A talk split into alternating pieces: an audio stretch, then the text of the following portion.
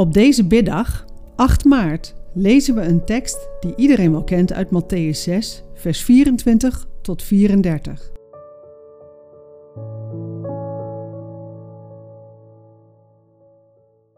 Een tekst die zich makkelijk laat gebruiken als slogan en daarmee platgeslagen kan worden.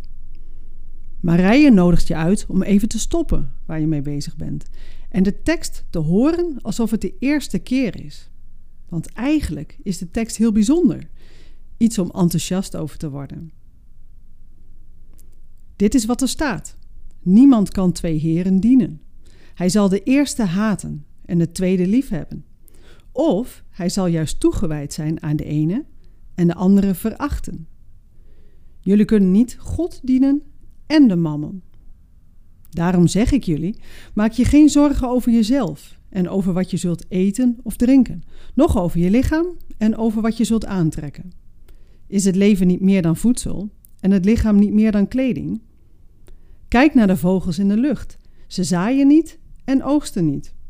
En vullen geen voorraadschuren. Het is jullie hemelse vader die ze voedt. Zijn jullie niet meer waard dan zij? Wie van jullie kan door zich zorgen te maken ook maar één L aan zijn levensduur toevoegen? En wat maken jullie je zorgen over kleding? Kijk eens naar de lelies. Kijk hoe ze groeien in het veld. Ze werken niet en weven niet. Ik zeg jullie, zelfs Salomo ging in al zijn luister niet gekleed als een van hen. Als God het groen dat vandaag nog op het veld staat en morgen in de oven gegooid wordt, al met zoveel zorg bekleedt, met hoeveel meer zorg zal Hij jullie dan niet kleden, kleingelovigen? Vraag je dus niet bezorgd af: wat zullen we eten? Of wat zullen we drinken? Of waarmee zullen we ons kleden? Dat zijn allemaal dingen die de heidenen najagen. Jullie hemelse Vader weet wel dat jullie dat allemaal nodig hebben. Zoek liever eerst het koninkrijk van God en zijn gerechtigheid. Dan zullen al die andere dingen je erbij gegeven worden. Maak je dus geen zorgen over de dag van morgen, want de dag van morgen zorgt wel voor zichzelf. Elke dag heeft genoeg aan zijn eigen last. Een tekst dus om enthousiast over te worden. Want in deze wereld die maar doorrent, waar we gaan van deadline naar sociale verplichting naar deadline en dan weer door. In deze wereld, zegt Jezus, stop. Dit heb ik niet zo voor jullie bedoeld. Jullie horen bij mij en daar hoort al dat geren niet bij.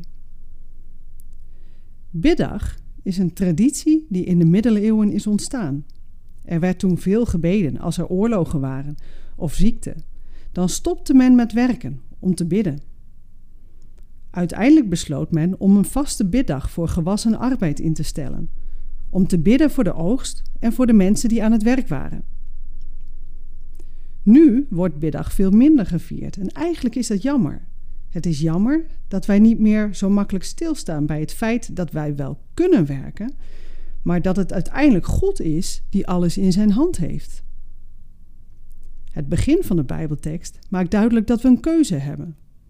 Of we kiezen voor God, of voor de mammon. Wij zoeken of eerst het koninkrijk van God, of we gaan de wereld met zijn drukte achterna. Dit lijkt misschien hard, maar ga eens naar hoe mooi dit getuigenis zou zijn.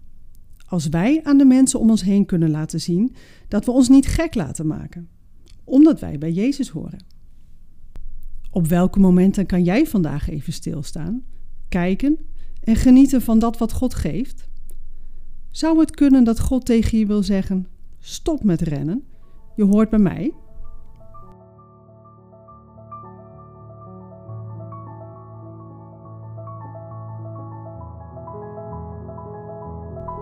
Leuk dat je luistert naar 40 dagen hier en nu. De podcast die je wil helpen om Jezus te volgen in jouw hier en nu. Wil je meer weten over deze podcastserie? Ga naar 40dagenhier en nu.nl. Voor de Bijbelteksten in deze podcast gebruiken we de MBV 21 van het Nederlands-Vlaams Bijbelgenootschap.